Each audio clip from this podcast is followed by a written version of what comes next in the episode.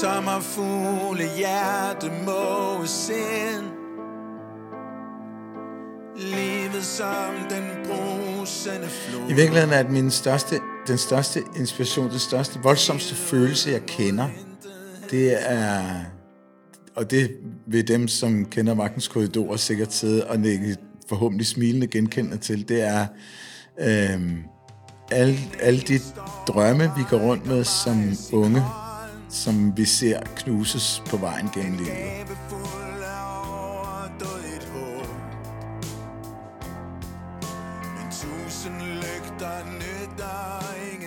Velkommen til en ny Mediano Music podcast. Denne gang handler det om Magtens Korridor. 16. april udsender gruppen albummet Club Promise. Jeg indledte lidt med et af de nye numre, Månelys i Rav. Øh, det nummer har på sin egen stilfærdige måde slået benene væk under mig. Og når mine øh, 102-3 kilo falder, så siger det bang. Velkommen her i studiet til Johan Olsen. Tak. Udover musikken, øh, Johan, så er du forfatter, radio, tv-vært, spiller øh, indimellem sammen med Torben Ja. Ors- Orson Welles, som han blev kaldt, Tom Steno, ja. da vi var unge. Mm. Øh, Steno i øh, Pligten kalder, øh, og er jo også, øh, som jeg tror de fleste ved, biolog og forsker. Mm. Øh, men har altså haft tid til at lægge vejen forbi Nord, Nordvest her. Jeg var lige ved at sige Nordhavn, det er et af dine numre, eller et af jeres numre. Øhm, forleden stødte jeg på en omtale af Magtens Korridor på Statens Filmcentral. Øh, der kan man se jeres dokumentarfilm øh, med den fantastiske titel Strikkeklub på Alufælge. Mm. Øhm, og i beskrivelsen af filmen, der bliver I beskrevet som et af dette årtusindets mest usandsynlige danske rocksucceser. kan du genkende jer i den øh, beskrivelse? Ja, det kan jeg godt. Helt klart. det, det, det, øhm, det, det er meget rigtigt. Det er en af de mest usynlige. Altså usandsynligt, det var jo ikke engang, øh, det var ikke engang rigtig sådan... ambi- Det var bestemt ikke ambitionen at skulle gå den vej. Det var heller aldrig nogensinde... Øh, altså, det, det havde jeg aldrig nogensinde forestillet mig. Jeg synes, vi lavede noget ret snæver punk-rocket musik, som ganske få gad at høre mest af alt folk, vi kendte i forvejen. så så øh, det var meget underligt, at det skulle ske. I mødte hinanden på Københavns Universitet ifølge myterne, er det rigtigt? Eller? Ja, det er rigtigt, fordi øh, fra det første år bandet var sammen, så er jeg faktisk den eneste. Så øh, kom Terkel med, og Rasmus med, som spiller stadigvæk i sådan ja, relativt Rasmus kort- Kern, ja. Rasmus Kern og Terkel Møl, ja. Terkel Møl på bas og Rasmus Kern på guitar. Og, øh, og så senere hen øh, overtog øh, Niklas Schneidermann, øh, bandets stifter, Jakob Ilemands øh, rolle som øh, den anden guitarist. Og en ny trommeslager øh, på et tidspunkt. Det var ligesom der, hvor vi fandt hinanden, som vi er nu. Der, hvor vi fik Anders Ramhed med på trommer. En, en af de, en af de sådan, lidt specielle ting ved bandet var jo, at øh, der var ikke rigtig nogen af os, der var særlig gode til at spille på vores instrument. Altså inklusiv mig selv. Øh, det, det, det, det var, vi var rigtig skrald til det faktisk, men, men der er punk jo ens ven. det er relativt simpelt og skaldet skrald. Øhm, men det var jo simpelthen bare noget, vi lavede, fordi vi synes, det var sjovt. Og, og specielt fordi jeg, jeg, jeg havde et meget stort behov for at larme. Og, og det, det vidste jeg ikke, før jeg kom i øveren første gang. Jeg fik lov til at bare stå og råbe og skrige. Det var så en guitarforstærker, vi havde ikke noget sanganlæg, men det var simpelthen så befriende og fedt at, at gøre, så det var, en, det var ret forløsende faktisk, og, og skide sjovt at, at gå i gang med, men at, at, at der nogensinde var nogen, der reelt ville betale penge for at komme ind og høre det, det var bestemt ikke, øh, det, det havde jeg ikke regnet med. En af de andre historier, man har stødt på, nu, eller jeg har stødt på nogle gange, det er den der med, at, at du i virkeligheden var med i noget Gasoline jam, eller var det bare en enkelt aften, eller hvordan var det? Nej, altså i øh, 2004, der besluttede jeg mig for at tage et års overlov. Øh, der havde jeg arbejdet flere år på Carlsberg. Og så tænkte jeg, så tager jeg et års overlov, hvor jeg kun laver musik. Og der begyndte jeg at lave musik sammen med Niklas Schneidermann, øhm, som spiller med Magtens Korridor. Og jeg havde begyndt med ham i et andet band, Crash Replay, hvor vi spillede, skrev sang på engelsk. Og, sådan og øh, da i 2004 opregnet, så ringede Niklas til mig og sagde, øh, jeg ved, du er på røven. Det er jeg også. Skal vi ikke lave et coverband? Øh, nu kommer der sådan en gasolin box set ud, så kan, vi, så kan vi lave sådan et gasolin band. Så sagde jeg, du kan du må have drukket lokum med Niklas. Det, er sim- det gør jeg fandme ikke. Det er simpelthen for fint til. Og så lagde jeg røret på, og så, øh, så sagde min øh, kone til mig, jeg skulle lige tænke over en gang til, fordi vi er voldsomt på røven. Og så, øh, ja, så blev, så ringede jeg til Niklas og sagde, "Ah, okay, så lad os gøre det. Så, øh, og så tog vi så land og rundt. Jeg kendte ikke noget særligt til gasolin på det tidspunkt. Jeg, jeg er ikke vokset op med gasolin. Altså, jeg kendte jo Rabalderstred og Kvinde Ja, ja, min, ja, ikke? ja, Men, ja. altså, og så, øh, så jeg skulle i gang med at lære alle de der sange, og, sådan, og, og så skulle vi så rundt og spille, og vi havde sindssygt mange jobs. Og det var virkelig, virkelig fedt. Og vis, det viste sig at være det closest, jeg nogensinde har gjort med hensyn til musik, tror jeg. Fordi Altså, lige så rystende nervøs jeg var, hver gang vi skulle ud et eller andet lille bitte sted og spille med bankens korridorer, øh, var jeg jo også, da vi startede det der gas, øh, gasolin øh, jam band der.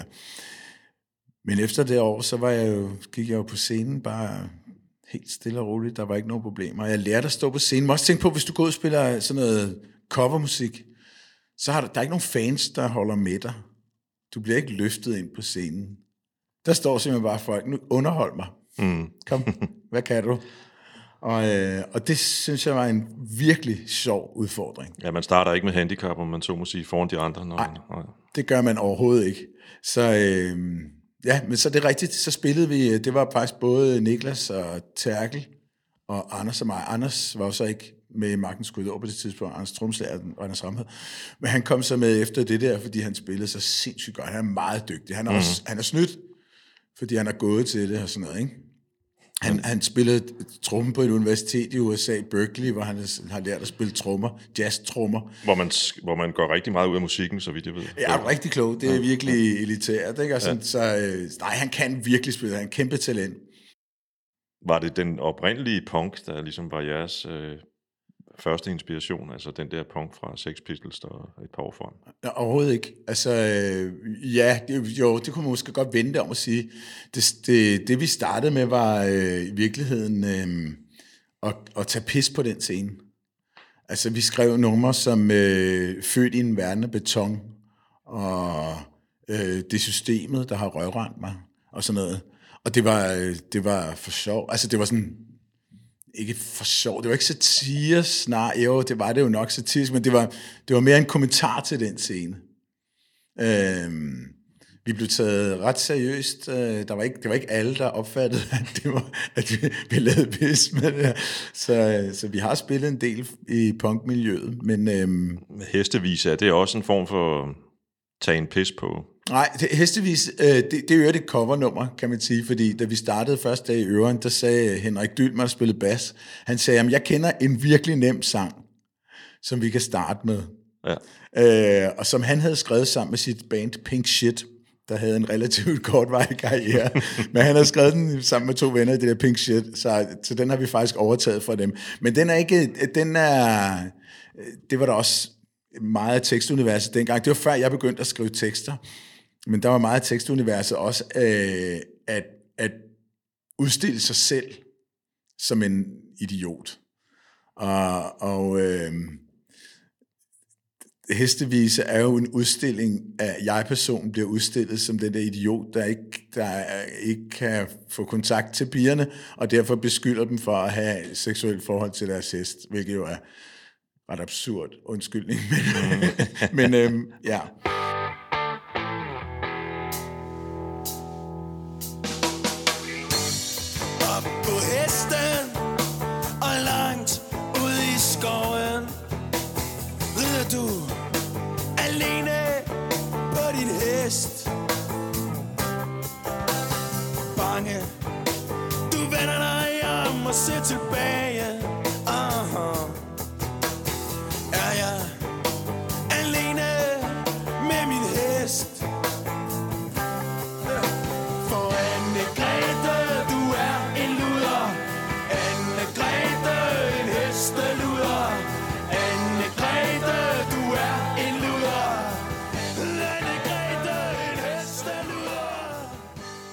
Interview på YouTube, som er fra jeres spæde barndom i øh, Magtens Korridor, hvor du bliver spurgt, der sidder sådan en flink, øh, hvad hedder det, tv-værtinde, mm-hmm. øh, og spørger, hvor længe kan stemme holde? Og så fortæller du, at sangpædagogen Karoline har lært dig at passe på. Jeg var til en fest engang, øh, hvor øh, Karoline Let øh, også var. Og øh, hun, øh, hun sagde, jeg har hørt jeres musik, jeres demoer, eller, eller hun sagde, du synger helt forkert, den er helt gal, du bliver kraftigt nødt til at tage noget sangundervisning. Og jeg sagde, nej, tror det, nå, det, det kan da godt være, jeg bliver da også nogle gange lidt hæs, og sådan, det må jeg nok hellere gøre. Og sådan noget. Så sagde hun, den kan jeg klare. Så gik jeg op på scenen, og så fik jeg, tror jeg var der tre gange, så, var, så skulle jeg synge jazzstandard, og sådan lidt gøre lidt stemmeøvelser, og så sagde hun, jeg tror ikke, jeg tror, du synger helt rigtigt. Det lyder bare helt sindssygt, når du gør det. Så det var ligesom det. Jeg tror, jeg var heldig fra starten af, da vi startede med bandet. Jeg tror, jeg var heldig at gøre det nogenlunde rigtigt. Sådan at, at man ikke slider på stemmen, selvom man bruger den rigtig meget. Der er en pause i Markens Korridor på fem år, øh, men så kommer Friværdi-albummet. Og fra det hører vi lige Lorteparforhold. Mm. Solo of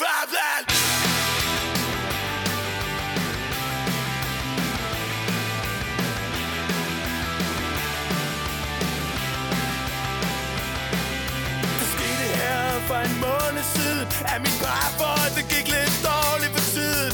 Og pludselig en dag var det hele sluden Som at skyde, når man tror, man skal slå en brud. Jeg ved lige ikke, hvad problemet var. Jeg tror bare, synes, jeg var en kæmpe nar.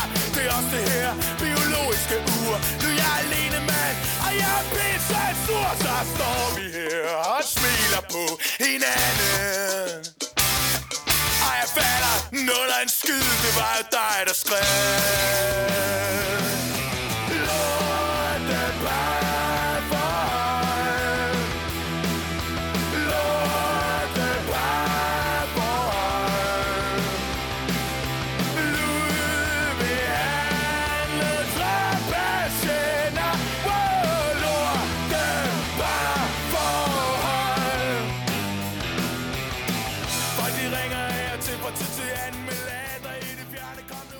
Og fra allerede fra det album, som man vel godt kan kalde jeres øh, gennembrudsalbum, der er også et par andre numre, som I stadigvæk spiller.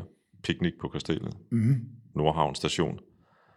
Um, jeg mener, Sara har for den også, er den ikke det? Jo, det er den, ja. Den, den, den er også på, på repertoireet, ja. øh, har jeg bemærket. Ja. Um, Altså Friværdi kom med, fordi vi havde sendt, altså vi havde lavet lidt studieoptagelse, men der var ikke, noget, der var ikke nogen af os, der havde penge til at gøre det. Og øh, situationen var jo en lidt smule anderledes der tilbage med hensyn til sådan noget hjemmestudie, så det var ikke noget, man havde direkte adgang til, så vi skulle have et rigtigt studie at lege ind i, og sådan, så det, det var dyrt. Men vi havde lavet en lidt, og så tog vi og sendte de der demoer ind til øh, P3's karrierekanonen, og så tog de det. Og der var en af øh, priserne, var, at man fik lov til at indspille et par sange i et studie. Og så da, vi, da det blev launchet, det der karrierekanonen, så fik vi, så var der plads, så kom vi ind på Universal pladselskabet, og så, så, fik, så betalte de for en, en, en, en fuld, et fuldt album. Hvor I faktisk har været lige siden, hvis jeg, jeg tager ja. fejl. Ja. ja, det har vi. Ja. Det er meget godt gået i en meget flygtig branche, hvor, hvor alle jo ved, at uh, pladesalget stort set er forduftet og blevet ja. til ingenting. Og ja, Jamen, det er fordi, de giver os gratis øl til møderne. Det er skide smart, det. Ja.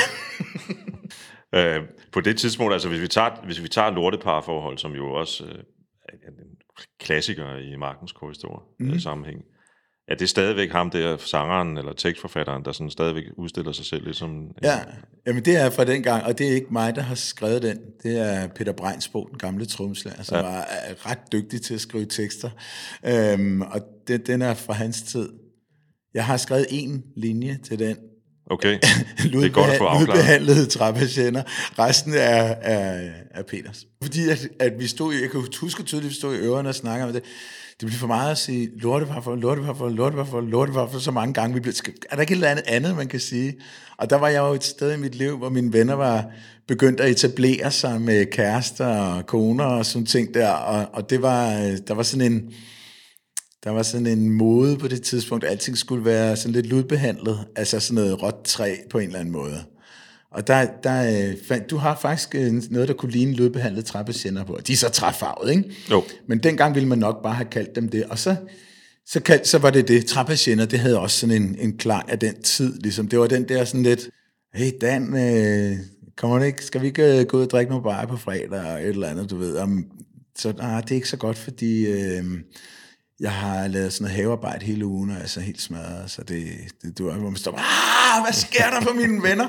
så, øh, Jeg tænker på, i, i, i forbindelse allerede med, med, med øh, friværdi, øh, er der, der er mange sådan stednavne i, mm. i jeres sange. Øh, vi har allerede nævnt to af dem, ikke? Kastellet, Nordhavn Station. Øh, og jeg ved godt, at, at du er blevet spurgt, og I er blevet spurgt før, hvor, hvorfor er det med, altså, hvorfor er der så meget København, vil jeg hellere sige, i, i jeres sang som der? Altså, jeg tror, standardsvaret ville have været, hvis vi kom fra Aalborg, så ville der nok have været en del op. ja. jeg, jeg er meget, meget glad for byen. Og det er der, som, det er der alle, alle mine historier opstår, og det er der, jeg får al min inspiration. Altså, det, jeg, jeg skriver ikke en sang, efter jeg har været ude og gå en tur i skoven, selvom jeg virkelig, virkelig elsker at gå en tur i skoven. Mm-hmm. Så, det, så, det, så er det, det er byerne og gaderne, der, der inspirerer. ja. Og Nordhavn Station er et ekstremt øh, stemningsfyldt sted. Det har det været altid. Det har ændret sig meget jo nu. Der er kommet masse øh, byggeri derude. det og må man sige, ja, ja. Men det er stadigvæk det der station på sådan en højbane, øh, hvor man kan se ud over vandet, ud over Øresund og til Sverige på en god dag. Og der er en stemning af sådan, specielt om vinteren, sådan en underlig kold, men virkelig smukt fortabthed. Det er egentlig ikke nogen specielt køn station, når du er på en selve station, er ikke noget. Nej. Men øh, udsigten fra den er jo ret vild. Det er rigtigt. øh, I mange år, der kom jeg jo på arbejde i, øh, med, med S-toget, der tog på arbejde med S-toget om morgenen ind til, til byen, og, og, og de der solopgange, man kunne være heldig at se ud over Ja. Øresund, er i sig selv også. Det er en helt anden historie, ikke? men ja. stadigvæk. Du får lige et kig ud, der er ligesom Præcis. sådan en ramme ud, hvor man pludselig ser ud over havet. Ja. Der har kørt fra, fra nord eller syd, og så kommer den lige, svinger den lige derud, man får sit kig. Det er virkelig dejligt. Og det forhold, jeg altid har haft til den station, og i øvrigt også den, der ligger lige her bag os, øh, Nørrebro station, er, mm. at, at det er et af de øh, eneste steder i København, der sådan rigtig minder mig om en amerikansk storby Ja, med, med højbaner. Ikke? ja. Men Nørrebro station synes jeg er virkelig flot. Ja, det er den At nemlig. den har et eller andet, fordi den er, arkitekturen er speciel, der er et eller andet. Men den er også meget stemningsfuld, og det, det, det, det er bare det, Nordhavn station kan.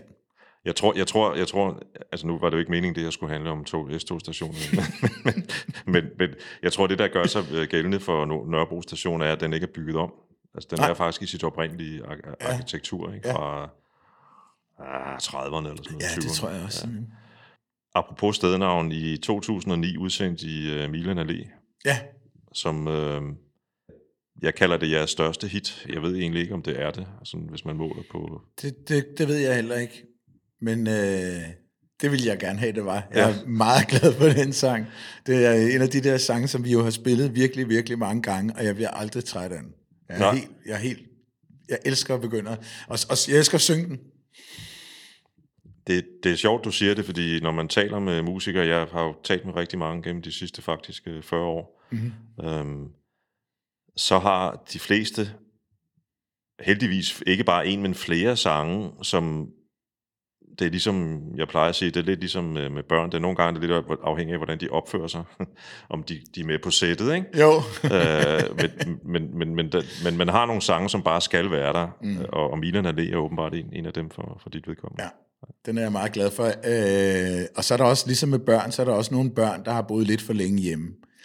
Og man tænker, ah, nu må du godt flyve fra redden. Ja. Men øh, Milan Allé, ja. den får lov at bo hjemme et godt stykke tid nu. Ja, hvad er det egentlig, der er så fedt, fedt for dig ved den sang?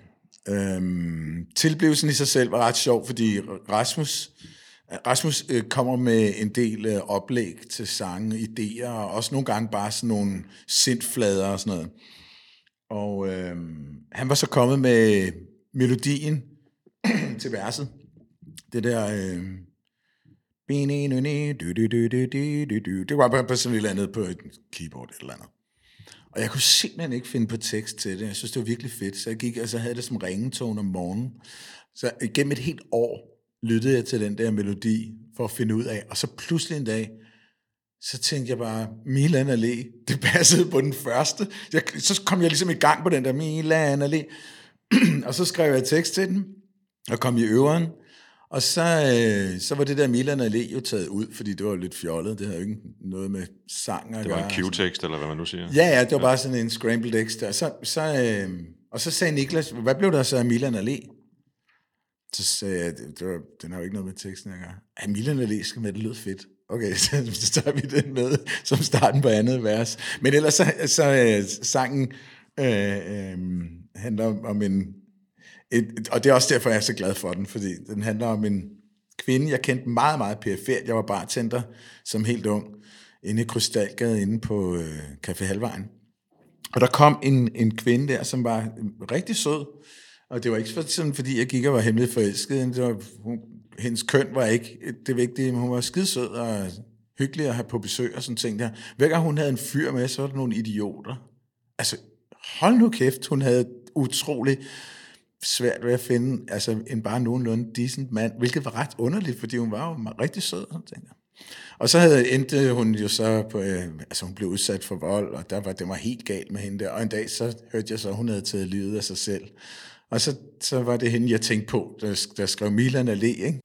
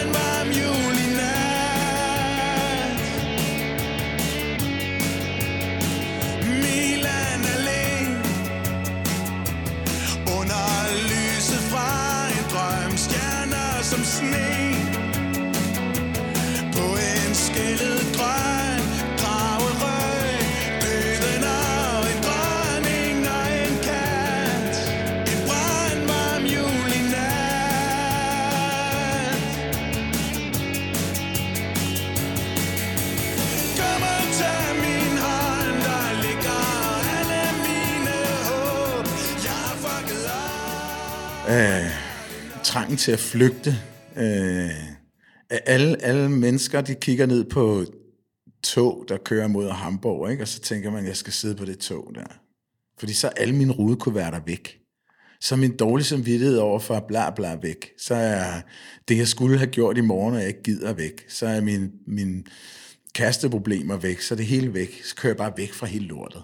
Eller jeg skal have en campingvogn. Så kører jeg bare ud i landet, så er jeg fri. Så, så, så, er alle mine problemer væk. Og det, det er den der, vi, vi, vi kender den alle sammen.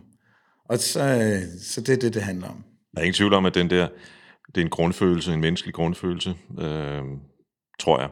Og, og, og den der frihedstrang, den kan have mange former. Som du selv siger, det kan være en campingvogn. Mm. For nogle menneskers vedkommende er det at have en kolonihave måske, eller hvad Ja, F ved jeg, det kan være hvad som helst. Ikke? Mm. Øhm, og, og det, i øvrigt er det jo sådan en kilde til evig undren for rigtig mange af os, øh, det der med, med øh, de sødeste kvinder, som så alligevel bliver ved med at finde de der bad guys, som man vist nok kalder det. Men ja, det, ja, det er virkelig sært. Et eller andet sted, så er der måske... Øh, jeg har faktisk valgt at lave sådan en lille øh, to-nummers medley fra, mm-hmm. med, med, med numre fra Milan Allé, nemlig sidste omgang og Engle.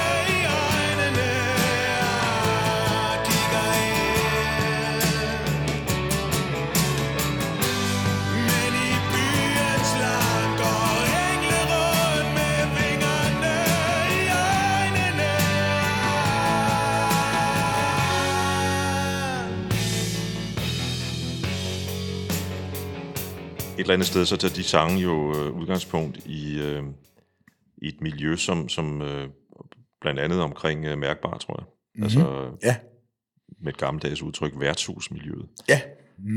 Er det også en flugt, eller nej, ikke en flugt, det er et dårligt ord, men er det også en eller anden trang til, til, til, til en eller anden frihed væk fra rudekuverterne, som du siger, der, der Ja. tiltaler dig i det? Ja, altså øh, fordelen ved værtshus, jeg er meget glad for at gå på værtshus.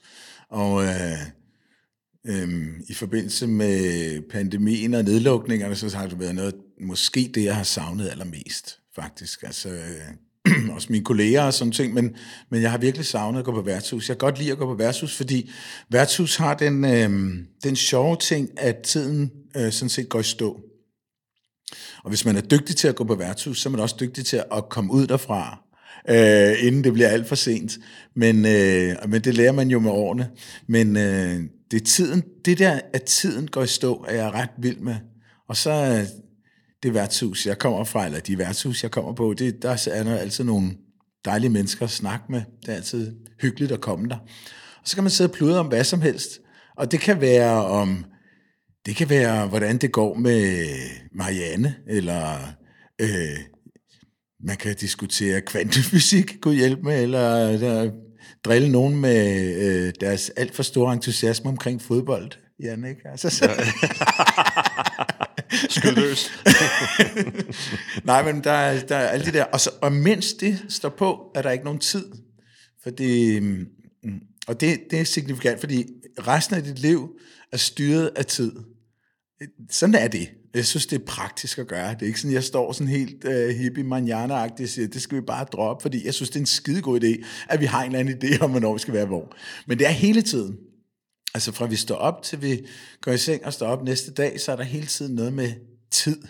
Hvornår vi skal være hvor og sådan ting. Værtshus, der er det væk. Og selvfølgelig er øh, rudekuverterne og alle de der ting også væk inde på værtshuset, ellers så kan man ikke slappe af. Altså hvis, de, hvis det er for præsent, så er der nogle ting, man lige må ordne, inden man går derind.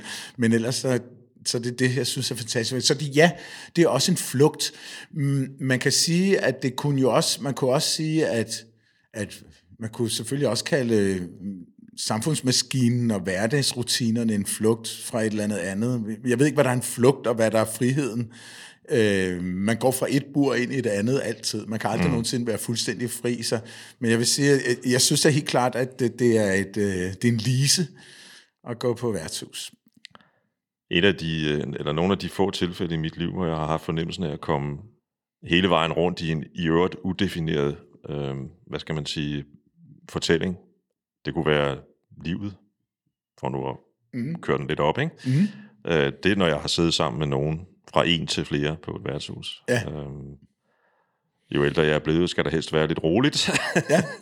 Fordi ellers skal jeg ikke høre, hvad de andre siger. Nej, nej. men, men, men, men, men ellers jo, altså, det, det, er, det, er, det er de få gange, hvor man har siddet sådan et sted der. Ja. Og jeg kan ikke... Øh, om det er... Altså, hvis det er et rigtigt værtshus, så er der også, så er der også noget med stemningen at gøre, ikke? Ja. Altså indretningen og... Ja, helt klart. Der, der, det værtshus er jo også der, hvor man... For mig er det også en, en demokratisk institution, fordi et værtshus er jo også et sted, hvor man kan diskutere med folk, man ikke... Diskutere lyder måske lidt voldsomt, men snakke med folk, man ikke normalt vil Præcis. løbe ind i. Ja. Der, der kommer øh, høj som lav, og af alle politiske og alt muligt andet observanser, de, de, der sætter sig der, og de, alle stempler ind på den præmis, at man her kan man, hvis der er nogen, der kommer ind og siger nå, Kan, kan whatever, du har, du har krummer på slipset, altså, så- og så ja. kommer der en, en, en snak i gang, og så, så, så man, det er i orden at tiltale folk Ja. og, og tale med mennesker. Det, det er måske et af de eneste steder, udover sådan nogle øh, sportsklubber.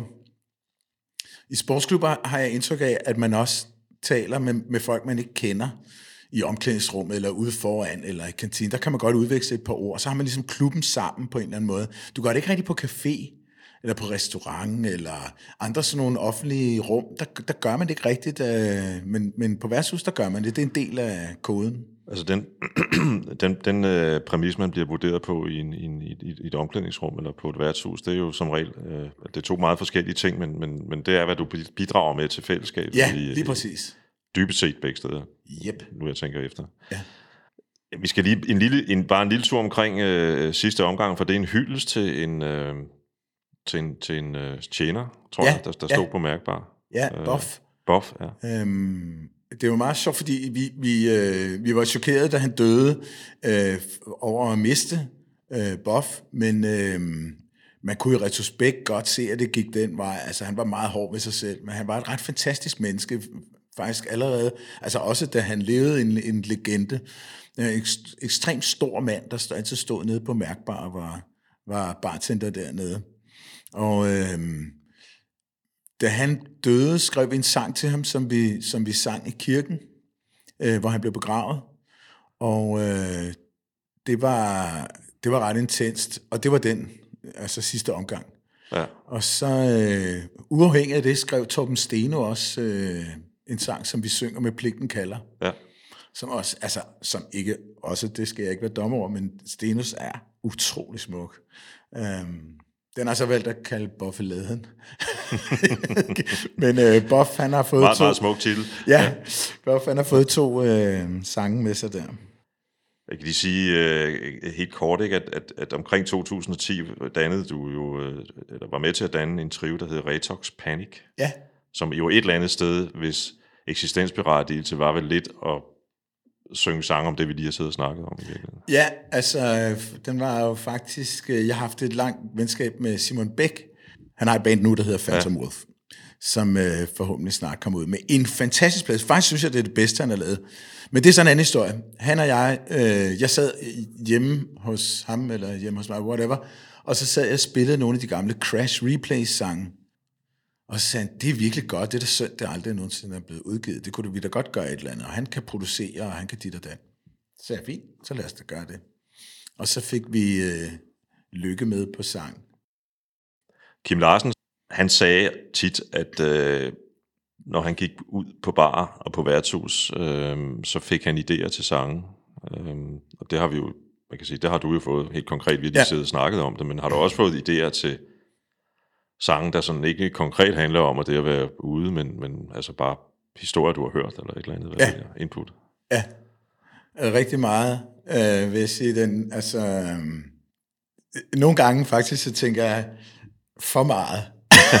så, øh, Johan Forhælder, jeg har en ven, der ka- kalder mig, "Ej, kæft, Johan, din gamle ølromantiker, du har gjort det igen. Men det, det, er, øh, det er meget derfra, øh, øh, inspiration kommer. Der er en særlig stemning, og der, der foregår alle de der um, spil mellem mennesker, både i positiv og negativ forstand, kan du opleve øh, også på værtshus. Men selvfølgelig er der også øh, inspiration andre steder fra. Det, det er klart, det kan man jo ikke øh, lade være med. Jeg tror i virkeligheden, at min største, den største inspiration, den største, voldsomste følelse, jeg kender, det er, og det vil dem, som kender magtens korridorer, sikkert sidde og nikke forhåbentlig smilende genkendende til, det er øh, alle, alle de drømme, vi går rundt med som unge, som vi ser knuses på vejen gennem livet. Det, det har jeg, det griber mig virkelig. Øh, når jeg går på gaden og ser unge mennesker gå og grine og fjolle og stå i grupper nede på Sønder Boulevard og øh, spille ølbowling og bare hygge sig, der bare tænker, oh my god, jeg håber, det går jeg godt, altså. Jeg håber ikke, I forsvinder ind i et støde lille hjørne og sidder der i jeres depression om 10 år. Jeg håber, I kan holde den der gejst. Det er næsten ikke til at holde ud, at, Øh, og jeg tror, det er en fundamental Øh, fejl i maskineriet, den måde, vi har lavet vores samfund på, men jeg ved ikke, hvordan man skulle gøre. Men jeg synes bare, det, det, det virker som om, at der er så mange, der på- bliver knækket af det. Og de bliver ikke knækket, sådan at de sidder i rendestenen og tækker femmer. Det er jo ikke på den måde. De, de lever bare måske 30 år, 40 år af deres liv i depression, Depression. ked af det, øh, uforløst, øh, ved ikke, hvad fuck de skal gøre af sig selv. Og det, det synes jeg er helt forfærdeligt. Og det, det, det, bruger jeg, um, det bruger jeg meget tid på at prøve at lade mig tænke på til hverdagen, men øh, det er helt klart en inspiration i teksterne. Altså første gang sikkert med Sara har, ikke? Jeg har selv oplevet, hvis jeg, hvis jeg i forhold til, til unge mennesker har sagt, øhm, et eller andet, der, der det kommer også hurtigt til at virke sådan lidt klichéagtigt, ikke? Men, men, men altså smid nu de der stramme Ja.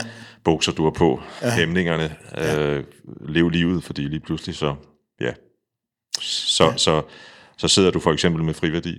Ja. Øh, men, men, men det er jo nemt nok at sige, fordi Ja, jeg, jeg tror ikke, de lytter, altså på godt og ondt. Øhm, øh, Karl Bliksen sagde, det, øh, det erhvervs meget dyrt. Det gives helt gratis og meget gerne væk, men der er ikke nogen, der vil have det. Erfaring. så, når man kan stå og sige, kan man sige lige så tosset, men det, det lytter. Jeg kan, jeg kan jo også huske at have fået ting at vide af voksne mennesker, og jeg tænker, ja, helt klart, det er fint. Det, det kan du ikke. Ja. Altså, du, du kan jo ikke bestemme over mit liv. Nej. Jeg skal nok styre igennem det selv, det skal jeg nok finde ud af. Men øh, ja, men man har lyst til at gå ind og ruste dem og sige, nu hører du fra en gammel mand, du fucker ikke det der op, Nej. nu tager du det der med dig ud i livet. Ja, eller, eller, eller øhm, jeg synes jo, en af de ting, der er et særkende faktisk for magtens korridor i min verden, det, det er den der kontrast, der ofte er mellem sådan den tunge, guitarborne lyd, og så samtidig gode melodier. Fordi rigtig mange af jeres øh, numre har en, en skide god, du ved, catchy melodi, som man husker igen og igen.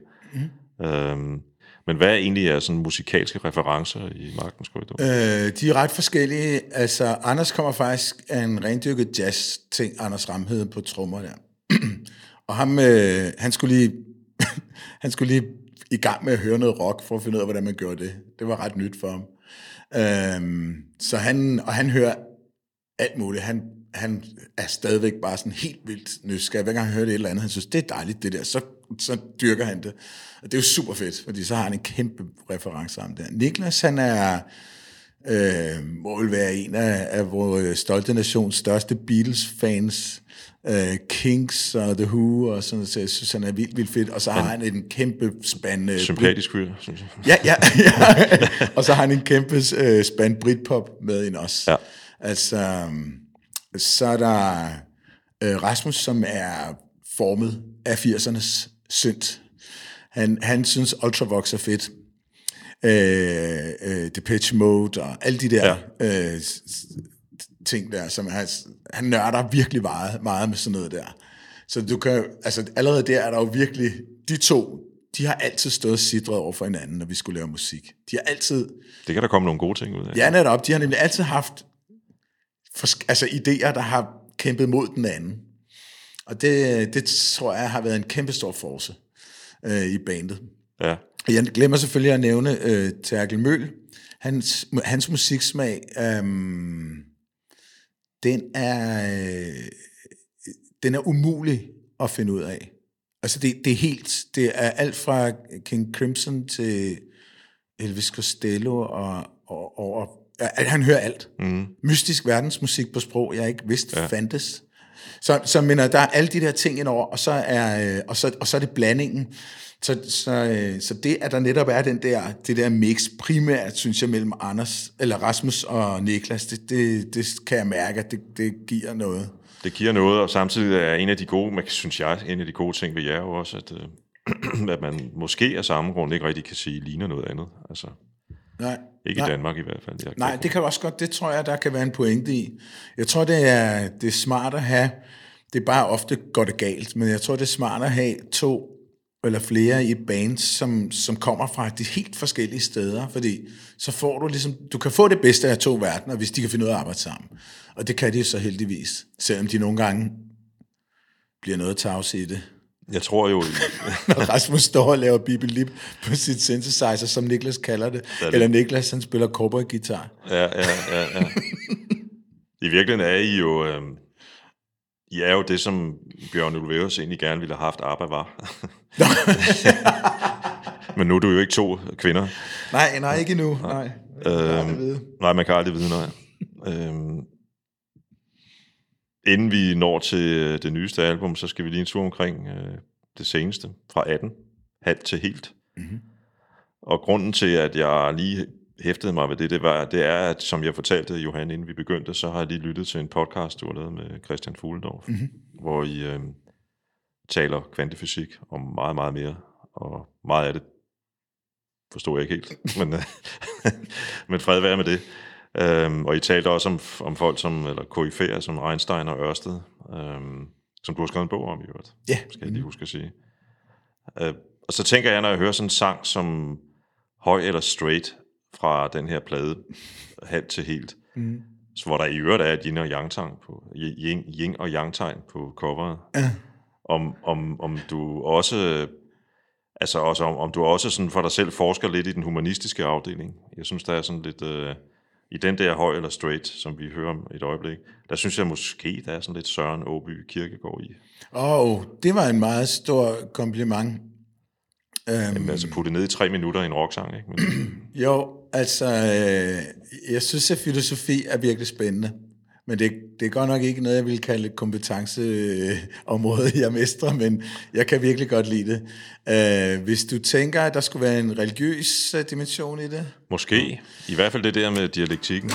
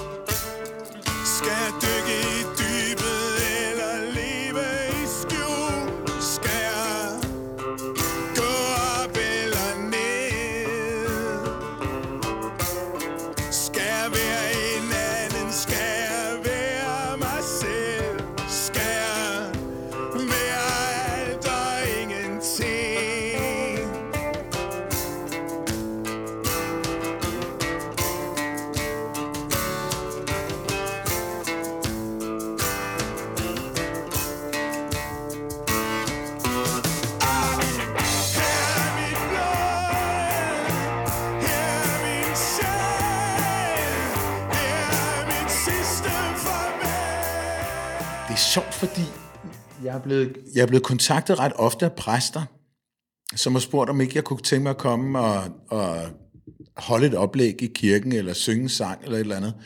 Og jeg siger, wow, det, det, det, det, det, tusind tak for det, det, det, det gør jeg nu ikke. Altså, jeg har ikke nogen religion. Øhm, øh, ikke, ikke af princip, det, det er der bare ikke. Og, og øh, jeg har, det kan da, have haft øjeblikke i mit liv, hvor jeg kunne have savnet det, men, men det har jeg altså ikke. Så der er ikke en religiøs, men jeg tror, at der er, jeg tror måske, der er en del religiøse symboler mm, i, i teksterne, siden at, at de, jeg bliver kontaktet af de der, og de, de siger det selv, jamen det synes jeg, jeg kan mærke, at dine tekster, det er jo, at de er religiøse. Det du talte om for lidt siden med, med, med det der rum, øh, som vi alle sammen drømmer om, eller den der, den der bane ned til, med toget ned til Hamburg, men gerne i et, Ja. det, et af de nyeste tyske tog, fordi de er virkelig fede at køre i, men det er noget helt andet. Yes. Øhm, det symboliserer, eller det udtrykker jo noget, som er helt fundamentalt religiøst, uanset hvilken religion, religion du, du, du tror på, nemlig en søgen. Ikke? Jo. En søgen efter klarhed, Ja. styr på ens liv, Ja. eller en sandhed, eller Ja. ja. et eller andet. Ikke? Øhm, måske er det det, som... Det synes jeg, det synes jeg er enormt godt set. Det vil jeg da gerne stemple ind på. Inden vi snakker Club Promise, så spiller jeg lige et nummer, simpelthen udelukkende, fordi det er mit, et af mine yndlingsnumre med Magtens Korridor. Mm. Vandet under broen Vesterbro på Drup.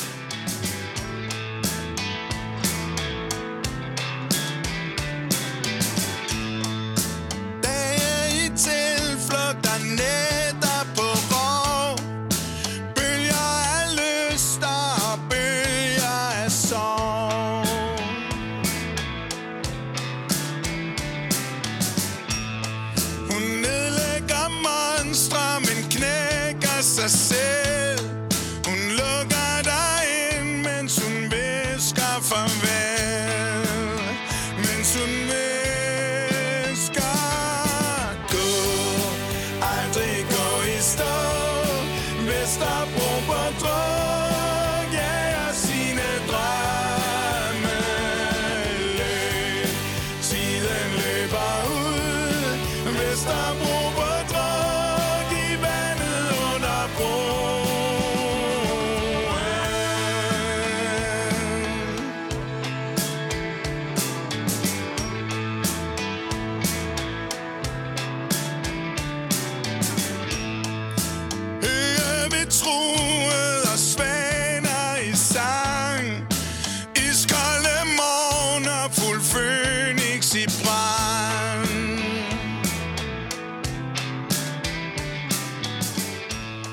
altså i 2020, der fik vi lov til at spille nogle koncerter øh, under sådan særlige vilkår, og folk sad ned og sådan ting. Så vi spillede det sådan lidt akustisk-agtigt. Og vores turmanager, Carsten Juhl, han spurgte, han bad så inderligt, om ikke vi ville spille den sang. Og der, der havde vi glemt den. Og så gik vi i gang med at spille den, og bare blev super glade for at gøre det. Altså, det var virkelig en fed oplevelse at, at få et gensyn med den. Ja. Der er en eller anden... Øh...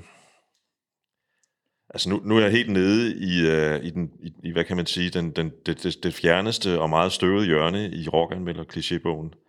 Og jeg synes, der er en eller anden form for nødvendighed i den sang. Jeg kan ikke nødvendigvis forklare, hvorfor, men øh, du udtrykker et eller andet, som er Sturm und Drang. Det føles også sådan. Ja. øhm, inden, øh, inden vi lige skal, vi skal, vi skal til den nye plade, så skal jeg jo også lige nævne, at, at, øhm, at, du jo for alvor er blevet folkeeje, hvis ikke du var det i forvejen, med den her duet, du lavede sammen med Michael Poulsen og Ja. Volbeat for evigt. Mhm. Nogen kalder den den nye øh, kvinde min. Mm-hmm. Øhm, den har gjort meget for Volbeat, men hvad har den egentlig gjort for dig? Øhm, jeg måske bare lige ganske kort fortælle, at jeg sang med på en anden Volbeat-sang, der hed Garden's Tale, øh, hvor det var det, det samme, ideen var den samme, altså en engelsk, et engelsk vers, og så et øh, dansk sådan øh, B-stykke. Ja, Og, øh, og så da han ringede og sagde, at man nu, nu havde han skulle lave en ny sang, som han spurgte, hvis så sagde Michael, er det smart? Du har jo et kæmpe hit med den der Garden's Tale. Nu lever jeg jo under en sten, Jan. Så jeg, altså, det der med at have et kæmpe hit for Volbeat, det, det er ikke Gardens Tale. Den var bare kæmpe stor i Danmark. Så der er ikke nogen i hele verden, der kendte til den. Så Jo, det var der jo nok dem, der havde købt øh, ja. de første Volbeat-plader, ikke? Men øh, så sagde til Michael, "Det- er det ikke farligt at gøre igen? Nej, det mener han ikke. Det var, han troede, den passede godt og sådan noget. Og en lidt sjov ting ved den er, at han faktisk har lagt et stykke ind, eller sådan et banjo-stykke ind, som en reference til Gardens Tale. Men det er sjovt. Hvad han har betydet for mig, det, det ved jeg ikke. Altså, øhm, jeg, når man, øhm, den har, jeg, det er jo ikke mig, jeg har jo ikke bidraget med andet end at synge det stykke. Jeg har ikke skrevet noget af melodien. Jeg, det er Michael Poulsen, der har lavet den her sang. Men, men jeg synes, at en sang, der rammer så vildt og så bredt, og så sådan ligesom dybt, øh, det, det skal man være glad for, stolt for at, have været en del af. med fare for at blive uvenner med mange af jeres fans, og måske lige frem ja, så synes jeg jo, at Club Promise er jeres øh, bedste album. Wow. Jeg har siddet og lyttet til, til dem alle sammen meget intens de sidste to-tre dage. Øhm, jeg skal ikke udelukke, at det muligvis siger mere om mig, end det gør om jer. Øh, og vi kommer til at tale selvfølgelig om nogle eksempler. Øh, Jeg forstår, at det har været en meget lang indspilningsproces. Ja, ja, det har det. Vi har været i... Øhm, vi var jo... Jeg tror, i 10 år eller noget af den stil, har vi gerne ville have nallerne i en producer, der hedder Zed. Z-E-D. Øhm, og han er han har, han har lavet nogle af Kent, det svenske band Kents flotteste ting. Vi er meget glade for deres lyd. Specielt på Vapen og Ammunition. Øh, Den er det bra, ja. ja, og så, øh, ja, og så ville vi gerne have fat på ham, og så øh, har han haft øh, psykiske problemer og været væk fra musikbranchen i mange, mange år, og lige pludselig, så fik vi simpelthen hul igennem til ham, og så tænkte vi, fedt, så øh, kontaktede vi ham. Så vi tog til Stockholm, til kendt studie, for så at øh, hyre sæt ind i det. Det viste sig bare, at han ikke bor i Sverige. Han bor i Slovenien. Han er slovener. Han er slovener, ja. ja. ja. Det vidste vi sådan set godt, men vi troede, han boede i Sverige. Det var derfor, han arbejdede sammen med... Altså, der var, vi havde fået fuldstændig galt fat på det. Nå, så han tog hele vejen til Stockholm, det gjorde vi også.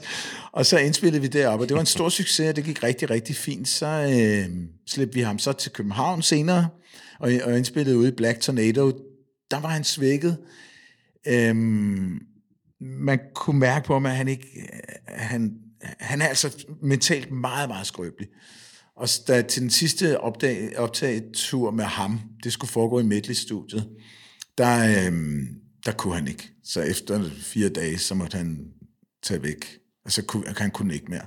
Så det, det er lidt svært, øh, det har været svært, det har været svært for ham, og også har det været hårdt at se på, hvor, hvor, hvor vildt han havde det altså. Øh, så, øhm, men øh, vi fik lavet øh, fem sange, tror jeg, sammen med ham øh, til Club Promise. Men det har så taget tid. Og så efterfølgende, så lavede vi øh, sange sammen med Søren Mikkelsen, som har produceret med os før. Hvor meget, øh, hvor meget har I skulle, og det har I selvfølgelig gjort frivilligt, i og med I indbyder sæt til at være med. Hvor meget har I ligesom givet med et grimt ord magt fra jer i studiet sammen med ham? Øhm, Sæt siger ikke så meget. Altså, han, han har nogle idéer, men øh, det, jeg tror med årene, så producerer vi mere og mere selv. Øh, så vi, vi er godt klar over, hvad det er, vi, hvordan vi, vi vi organ, arrangerer numrene. Øh, det sæt kunne, og det som nogle af de andre producer, vi også har arbejdet sammen med, øh, kunne, det er at lægge en særlig lyd. Altså hvis man for eksempel hører Milan Allé-pladen, så kan man høre hele den plade, den lyder anderledes end nogle af de andre plader. Og øh, Søren Mikkelsen har sin egen lyd. Øh, de andre producer, vi arbejder har en egen lyd. Og, og det, nogle gange kan det være svært i løbet af sådan en studiesession at finde ud af, hvorfor det skulle være sådan.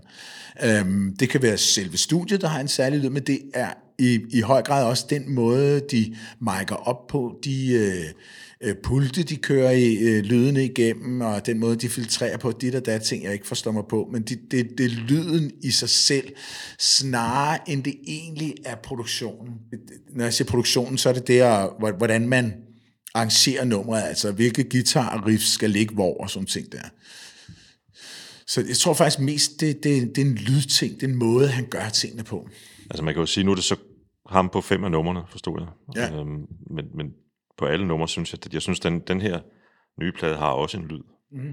Den er måske lidt mere mellow, Ja. end mange af jeres andre plader, eller andre numre for den sags skyld også. Øhm, du synger måske også sådan lidt mindre kraftfuldt igennem på mange af numrene end normalt. Ja, det, er- der, er- det, det har, øhm, der er et øh, udpræget ønske fra bandets side, om ikke jeg kunne prøve at synge øh, anderledes. Og det gør jeg med, tager jeg imod med stor kysshånd, fordi altså, hvis jeg skal være helt ærlig, hovedløst ærlig, så har jeg faktisk aldrig været så vild med min stemme. Altså når jeg, når jeg hører den, jeg elsker at synge. Det er derfor, jeg gør det. Mm. Men når jeg hører den, så har jeg ofte, det har jeg også ofte sagt til bandet, faktisk, "Hold kæft, jeg har ondt af jer, I skal slæve rundt med mig, altså. Det her band, der er blevet så fedt, der er blevet skrevet sådan nogle, hvorfor har I ikke en ordentlig sanger, altså? øhm, men men øh, jeg gør det alligevel, øh, fordi jeg virkelig godt kan lide at gøre det. Men på, den, på Club Promise, i lille omfang også på halvt til helt, og i den grad på en, en ny plade, vi arbejder på nu, øhm, så, så er vi i gang med at afsøge, hvad man kan gøre ved den stemme der. Og specielt uden at jeg står og råber og skriger hele tiden. Ja, fordi det gør du nemlig ikke på den nye plade. Og, Nej. og, og, Der er lige et enkelt Ja, ja, nummer, det hvor der bliver råbt ja, igennem. det er der nemlig. Øh, Jeg fik lov. Ja, du fik lov. hvorfor, er- altså, hvorfor er det egentlig, de gerne vil have, at du øh, skruer lidt ned for det der? Det er simpelthen for eksperimentet. Ja. Hvad, hvad, sker For der, hvis prøve du, noget nyt, ja. Hvad, hvad sker der, hvis du synger helt stille og Det er roligt? faktisk også svært at forestille sig magten korridor, magtens korridor uden Johan Olsen som Ja, men, sanger, synes jeg. Øh, øh, Jamen, det har man måske altid med et band, ikke? Men ja. jeg tænker, ja, men i hvert fald så har det været sjovt at, at eksperimentere med det der. Eksperimentere også med andre effekter på stemmen. Ikke nødvendigvis noget helt vildt, men bare sådan små ting. Øhm, så det, og jeg synes også, det er virkelig spændende, virkelig sjovt at prøve. Det, det er et andet sted. Men jeg, øhm, øh, der ligger også en, der ligger også en meget stor forløsning i, at, når man spiller live, og får lov til at brøle igennem det er bare rart. øh, jeg kan godt lide det. Ja, Øh, det, det giver sådan jeg en, tror også, publikum kan. Sådan Jamen, det, og det håber jeg, at det er der i hvert fald nogen derude, der kan, så det er jo ja. Fint. Men det er også virkelig sjovt at prøve det her. Virkelig sjovt at lege med det. Vi hører lige øh, det første nummer gennem togen. Gå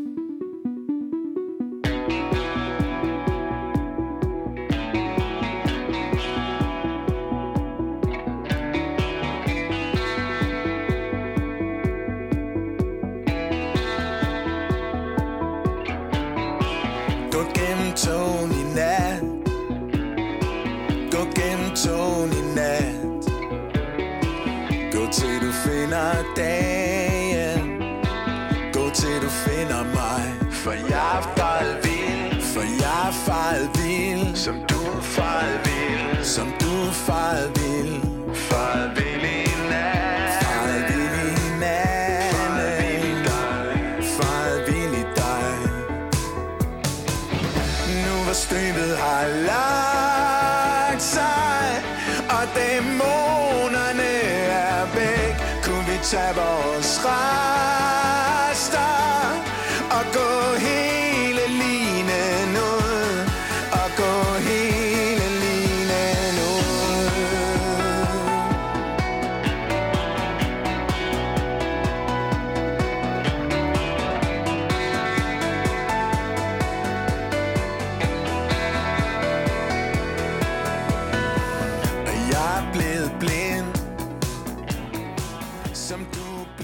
Jeg synes, når man sådan ser sig omkring, så synes jeg jo, det er sådan lidt ufortalt, at du, at du egentlig er en fremragende lyriker, synes jeg.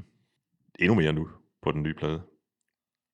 At det er noget, du sådan har arbejdet med, gør mere og mere ud af at skrive teksterne, eller hvordan?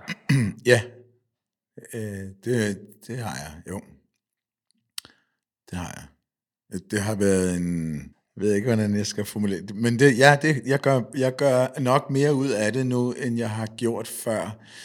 Øhm, der er nok også et spørgsmål, når man, når man arbejder med det, øh, eller når jeg arbejder med det, at, at jeg så øh, er opmærksom på, og, og, og det har jeg været hele tiden, og slinger udenom, udenom klichéerne. Fordi det er utrolig svært at skrive på dansk, uden at skrive, at himmel og jord stod i et. At man ligesom får de der sådan lidt tomme øhm, sådan ligegyldigheder ind. og øhm, nu skal jeg jo så også med årene slinger uden om mine egne klichéer. Og, øh, og det tror jeg virkelig har givet en, det har givet en energi til at komme et andet sted ind, i stedet, så, jeg ikke, så, jeg, så jeg prøver at undgå at gå i ring, ikke også? Men så der også er en... Øh, så der er sådan nogle billeder. Jeg kan godt lide sange, der ikke er konkrete. Det er ret sjældent, jeg har skrevet helt konkrete sange. Jeg kan godt lide, at der er billeder. Mm. Øhm, så man kan også sige, flygter fra den sidste psykopat, men det foregår på en drage, og det, det, det, det er en kat lige pludselig. Og, så man, man, man får ikke, du får ikke nødvendigvis noget for ærende, men du, kan, du laver billederne selv. Ja, præcis. Sådan nogle, sådan nogle tekster kan, kan jeg godt lide øh, at lytte til selv, eller at læse selv, så, så det er lidt, jamen, så er der nogen selvfølgelig afstikker for det, men øh, det er nok mest sådan, jeg skriver. Der er nok en, en øh, grundlæggende melankoli i meget af det, du har skrevet. Ja, helt klart, ja. Og, og på det nye album øh, er der en, hvad kan man sige, der bakser du noget med ensomhedsfølelsen, tror jeg. Ja. Øh, det går i hvert fald igen i, i en del Ja. tekster. ja. Øh, og, og jeg sad og tænkte på, jeg kan huske en gang, jeg lavede et interview med, øh, ikke fordi det har noget med Magtens Korridor at gøre, men lavede en gang et interview med Monrad Rislund. Ja, Og så talte jeg med dem om deres jo næsten altid meget sådan grænsesøgende tekster, øh, og monologer og sketches og så videre. Mm. Så sagde Jan Monrad på et tidspunkt, øh, egentlig på, at du egentlig hellere tænkte lidt over, hvad det er, der foregår inde i dig. Hvorfor griner du egentlig af det her? mm. Altså i stedet for sådan at kigge på, hvad de to siger, sådan helt ja. Ja. konkret, hvorfor siger I det, men jeg tænker på, hvad, hvad, hvad er det egentlig, der sker inde i dig, når du, når du, når du griner af et eller andet. Og man kan vel sige et eller andet sted, så nogle gange er det vel også sådan noget med, at i stedet for at vi, der lytter til jeres musik, det er meget, selvfølgelig også journalister, der stiller spørgsmål, men det er jo også almindelige mennesker, ikke? ja. Og det er fordi, det er journalister, ikke? Det har det været almindelige mennesker. Øhm, Måske skulle man i virkeligheden mere øh, kigge på, hvad er det egentlig, de der sange om, om ensomhedsfølelse, som der er en del af på din nye plade? Øh, hvad er det, de rammer i mig, i stedet for sådan hele tiden at spørge Johan, hvad det egentlig han mener med det? Ikke? Jo, jeg synes, det er et virkelig flot citat. Jeg stjæler det med det samme. Det kan du roligt gøre. Jeg er sikker på, at han vil synes, det er okay. Mm. Øhm, men stadigvæk, det kunne jeg godt tænke mig at holde lidt fast i, så er der jo stadigvæk øh, det her med byen. Altså, med, byen, altså, ja. og, og, og mm. kan man sige, festen, kærligheden derude, flygtigheden. Øh, Club, ja. Club Promise er jo, øh, giver mig nogle billeder af en helt konkret klub, faktisk. Eller? Nå, okay, ja.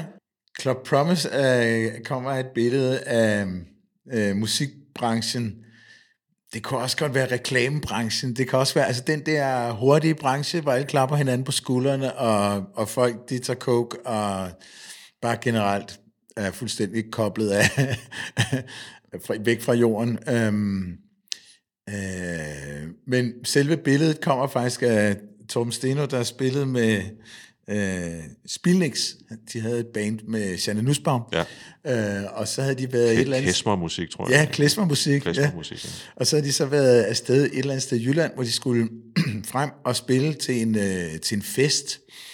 Og øh, så snede det så sindssygt, at de ikke kunne komme frem. Men de prøvede, og de måtte snige sig afsted på motorvejen med 30 km i timen, det var sådan helt kaos. Og endelig kommer de frem klokken 3 om natten eller et eller andet, og slæver gennem snestorm, slæver instrumenter ind, og så spiller de sådan set bare. Folk kan heller ikke rigtig komme væk fra det her sted. Og det havde været en fed oplevelse. Øh, men jeg, jeg, jeg har kombineret det, det billede, jeg har af den der gakkede fest der, med, med sådan pladselskabsidé, øh, den der ideen om at være i det der miljø, hvor alle siger ja til dig hele tiden, alle klapper dig på skuldrene, det er bare fedt, og, men du kan ikke komme væk. Altså, der er evig snestorm mod for, du kan ikke komme væk derfra. Det, det er bare, du går bare rundt, og du, du, du har ikke engang bestilt en drink, du får den med det samme. Du har ikke spurgt om noget, du får svar lige med det samme. Det hele er sådan, det er grotesk, og det, og det er sådan det, som det er, ja, det er et Club Promise, den, den følelse der. Det du lige beskriver, øh, synes jeg egentlig lyder meget fedt. Altså, gratis. Nej, jeg forstår godt, hvad du mener. ja. øh, vi skal lige høre det meget smukke månelys i rav øh, i, i fuld længde.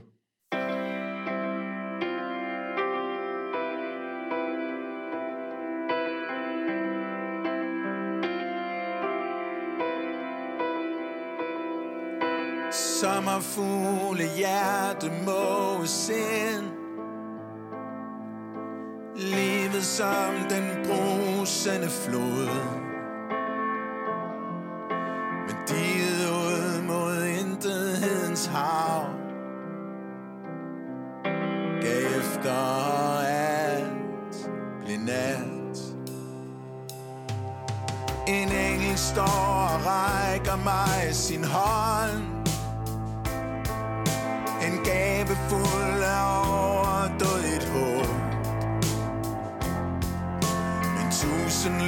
Der nytter ingenting.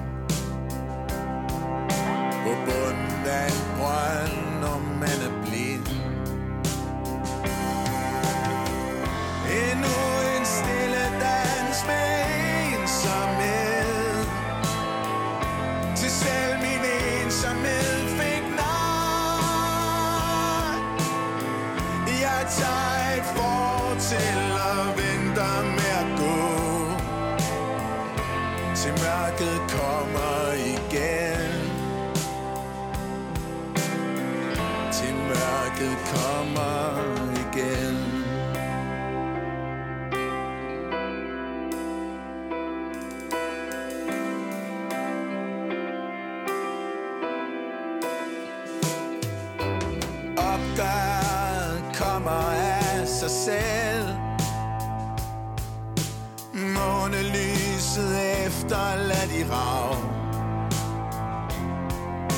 Tjekker ud fra mørkets hotel. Men der er ingen til at sige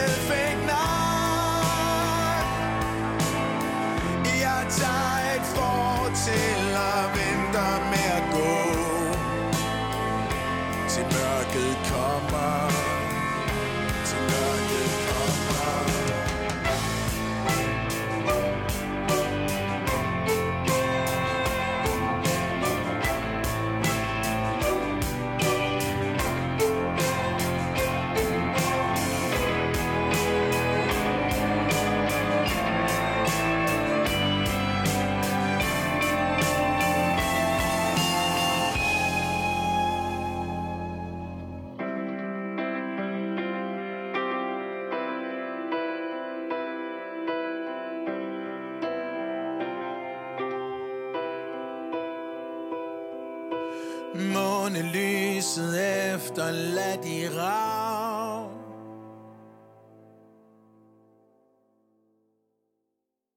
Er det et af de numre, som uh, Seth Simon har været med til at Ja, producere? Ja, det var sammen med Seth. Vi var i, i, i studiet med ham i Black Tornado, og der var øh, der havde han det altså ikke specielt godt. Og øh, øh, alligevel så fik vi indspillet nogle sange hurtigere, end vi egentlig havde regnet med.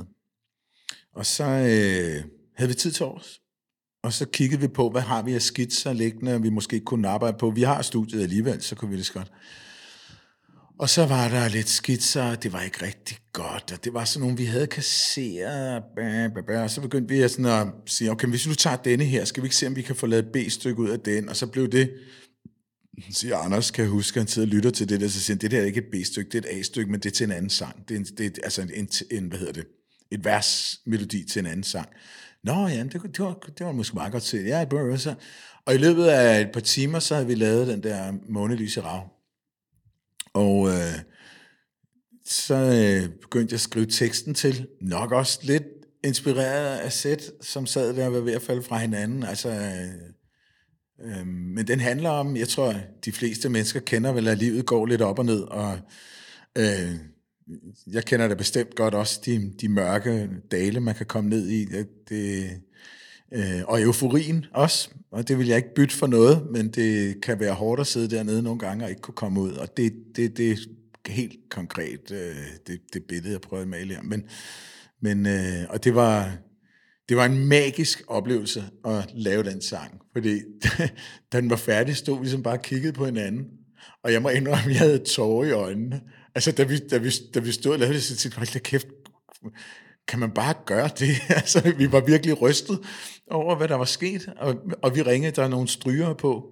Ja. Dem ringede vi til med det samme. De, var, de skulle spille X-Factor prøver og noget med noget Melodi Grand Prix, men så ville de, de kunne være der klokken 9. Så klokken 21, der stod de der to stryger der samme dag og indspillede det, øh, man hører. Det, det, det var sådan, så var den der. Der var noget magi. Ja, der var virkelig noget magi, hvad det så end betyder. Ja, der er også noget, der er selvfølgelig også den mere klassiske Magtens Korridor på, på det nye album. Øh, det, påstår jeg jo for eksempel det nummer, der hedder Kældermorgen er. Ja. Øhm, lidt mere larm.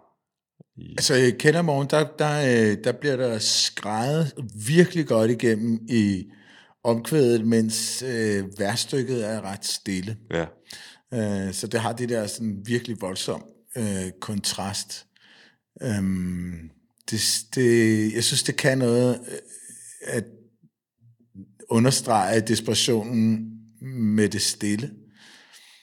Altså, at, at, at når du kommer fra noget, hvor, hvor du har skrevet din angst og pisser lort ud, at det så går ja. ned. Så, det, så, det, så bliver der noget, der bliver forhåbentlig noget sidrende, noget sådan øh, uforløst, øh, noget, der sker lidt, lukker dig lidt for meget inden. Jeg ved ikke, hvad det, hvad det er, men det er den følelse, jeg får i hvert fald.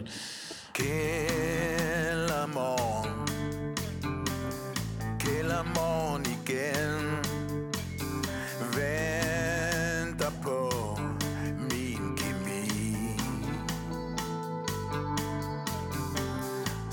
Små, signaler. Små signaler igen. Venter på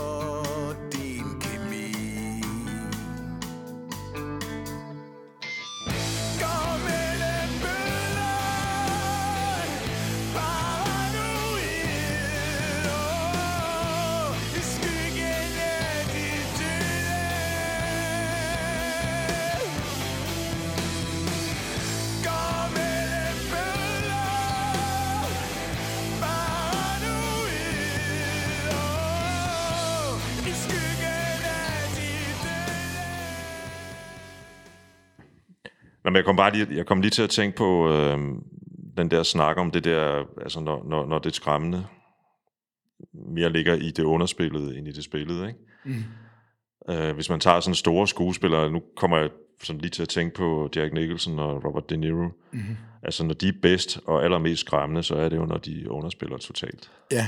Altså når, når, når, når de i en eller anden Hollywood-basker trykker den af, så er det jo ikke længere Nej. farligt, eller Nej. du ved, så er det bare lir. Det sidste nummer på pladen hedder Sidste Vers. På det er der, som jeg i øvrigt synes, der er på øh, flere steder på pladen, en, øh, der er sådan lidt blå akkorder. Ja, Øh, lidt Eagles eller sådan noget. Øh, jeg kan huske en gang, C.V. Jørgensen i, øh, helt tilbage i 70'erne engang sagde, at, at han havde sådan en Maj 7-lyd. Maj 7 er en akkord. Mm-hmm. Og det synes jeg også egentlig et eller andet sted, der er lidt i det der sidste vers. ja men øh, det, er en, øh, det er jo en snak, du hellere skulle tage med, med de rigtige musikere. Ja. De ville ligge flade af grin, hvis de hørte dig stille mig det spørgsmål, for de driller mig altid med, at jeg ikke er musiker. Ja. Så altså det der, kunne man ikke tage en anden akkord på det der? Shh, Johan, musikerne arbejder. Hvordan oplever du det så, vil jeg så spørge? Øh, Altså, ja, det der nummer, synes jeg, er, er fedt, fordi det, der er en del humor i. For mig. Det glæder jeg mig til at høre om. Og øh, det, jeg tager pis på mig selv på det der, på den sang. Fordi jeg begyndte at skrive teksten, og øh, pludselig så tænkte jeg, ej, det, ej, det, det, det, er sgu for, det er for højstemt, det er for meget, det, det, det, det, det går virkelig ikke. Og så så jeg lidt pis på mig selv, så blev jeg sådan lidt, fuck dig, ikke hovedet altså. Må du prøve lige at komme ned for det der. Og det er derfor, der er den der masser af bajer, ingen fest, masser af smøger, ingen ild. Fordi mm. det var sådan, det var det, jeg følte, teksten lidt var. Der var masser af bajer, men der er ikke rigtig nogen fest der. Nej. Så den er faktisk, ja, det- jeg tager lidt pis på mig selv der. Ja. Det, er, det, er, det synes jeg er rigtig øh, fedt at høre igen. Øhm, igen, fordi jeg har, jeg har siddet sådan og fået nogle, fået nogle, øh, nogle andre billeder. Jeg vil så sige, at, at det er jo nok, altså, det er nok den eneste danske rocksang indtil videre, hvor ordet synaps dukker op. Ja, ja. ja, men det kan godt, men det er jo også... Øh, de, de billeder, der er i, altså selve teksten er jo i og for sig ikke for sjov. At den, den, der er jo en masse billeder, som er man kan bruge til dem. ja. noget. Ja, ja. Øh, og, og, men men øh, jeg havde bare behov for at give den nogle tæsk, så den kunne lære at opføre sig ordentligt i klassen. Øhm, jeg tænker på nu her på, på, på den her afsluttende node. Øhm, jeg har hørt dig citeret for at sige, at i sidste ende er det eneste, man forstår, at man ikke forstår noget. mm. Øhm, og, og nu snakker du om det der med komme ned fra et eller andet. Johan Olsen. Øh, er, er rockmusikken et sted, hvor man rent faktisk forstår noget? Altså som modsætning til at være forsker, for eksempel. Det kommer også simpelthen så meget an på, hvordan du, hvad du mener med forstår. Altså, øhm, når man laver musikken selv, så, øh, så sender man jo et signal ud, samtidig med, at der er nogle ting, nogle følelser, nogle øh, stemninger, man forsøger at, at behandle. Øh, det er en selvrealisation, simpelthen. Det er et spørgsmål om, at man, man bruger sin, sine følelser til at lave et, et direkte produkt, som så skal forløse nogle af de følelser, man har, og som man godt kunne tænke sig at få manifesteret. Og samtidig med, at man gør det, så sender man et signal ud i verden med de her ting. Og, det, øh, og måske forstår jeg mig selv lidt bedre, måske forstår vi fem mennesker, der laver musikken, og selv lidt bedre, når vi har lavet en sang. Det, det vil jeg ikke udelukke. Men hvad, hvad det, der så, det signal, der kommer ud fra den sang, når du så, folk så hører den, hvad, hvad er det så for en forståelse, de får? Jeg tror, at en forståelse i det her, i den her sammenhæng, i lige så høj grad er at åbne for flere spørgsmål. Altså, en ultimativ forståelse har man kun, hvis man er dogmatisk religiøs, eller øh, sekt, øh, sekterisk, eller konspirationsteoretiker, ikke? Ja, eller, eller men i matematik er der vel også en sådan... Det var jo et godt eksempel, jo. Der, ja. der er også en... Jo, i matematik. Jo, det er rigtigt. Men, det, ellers det er ikke, nej. Ellers nej, ikke, nej. ellers så, så, så er en hver, øh, et hver forsøg på at, at forstå verden, det er hjernen, der laver en, en model af verden øh, inden i sig, og den laver også en model af sig selv, og laver en model af alt det, den, alle de inputs, den får, laver den et eller andet billede ud af, af verden og af sig selv. Og det, det, hvis man graver ned i det, så tror jeg, at man får flere spørgsmål end svar. Øh, det, det tror jeg, jeg vil i hvert fald håbe på, at man oplever. Yes. Øhm, men så lige snart, lige snart du får et svar, øh, så, så kan du bruge det til at gå videre med, øh, for at forstå dig selv, og forstå øh, andre mennesker, og forstå verden og sådan ting. Men det er, det er altså... Øh, forståelse af, det er et svært ord at bruge, også i rockmusik. Ja. ja. Jeg vil bare sige, at, at, at, at, at på et tidspunkt, der, tidligere her, der sagde jeg, at, at nogle, af, nogle af de bedste oplevelser, jeg har haft af at, at øh, komme hele vejen rundt i en fortælling, eller hele rundt, mm. de mhm. der 360 grader rundt i en cirkel, det har været på værtshus. Og den her sang, hører jeg som, som sådan en sang til mig. Øh, måske stiller den spørgsmål, som du siger. Måske fortæller den bare noget om, hvorfor var det, at man på et tidspunkt, øh, nu er det mit liv, meget personligt faktisk, mm. Øh, begyndte at, og oftere og oftere og, og, og fravælge de der bajer og smøger, som alligevel ikke smagte noget. Mm-hmm. Og, og så i stedet øh, bonge til en sporvogn og finde linje 10, som, som den store profetsang i sin mm-hmm. tid. Øhm, det er det forhold, jeg har til den. Ja. Øhm, det, er, det er jeg glad for, at du har det forhold til den. Ja. Mm. Med de ord, så vil jeg egentlig bare øh, sige tak for i dag, og sige tusind tak, Johan, fordi du gad at være med i det her. Tak. Det var så hyggeligt at være på besøg. Det er godt.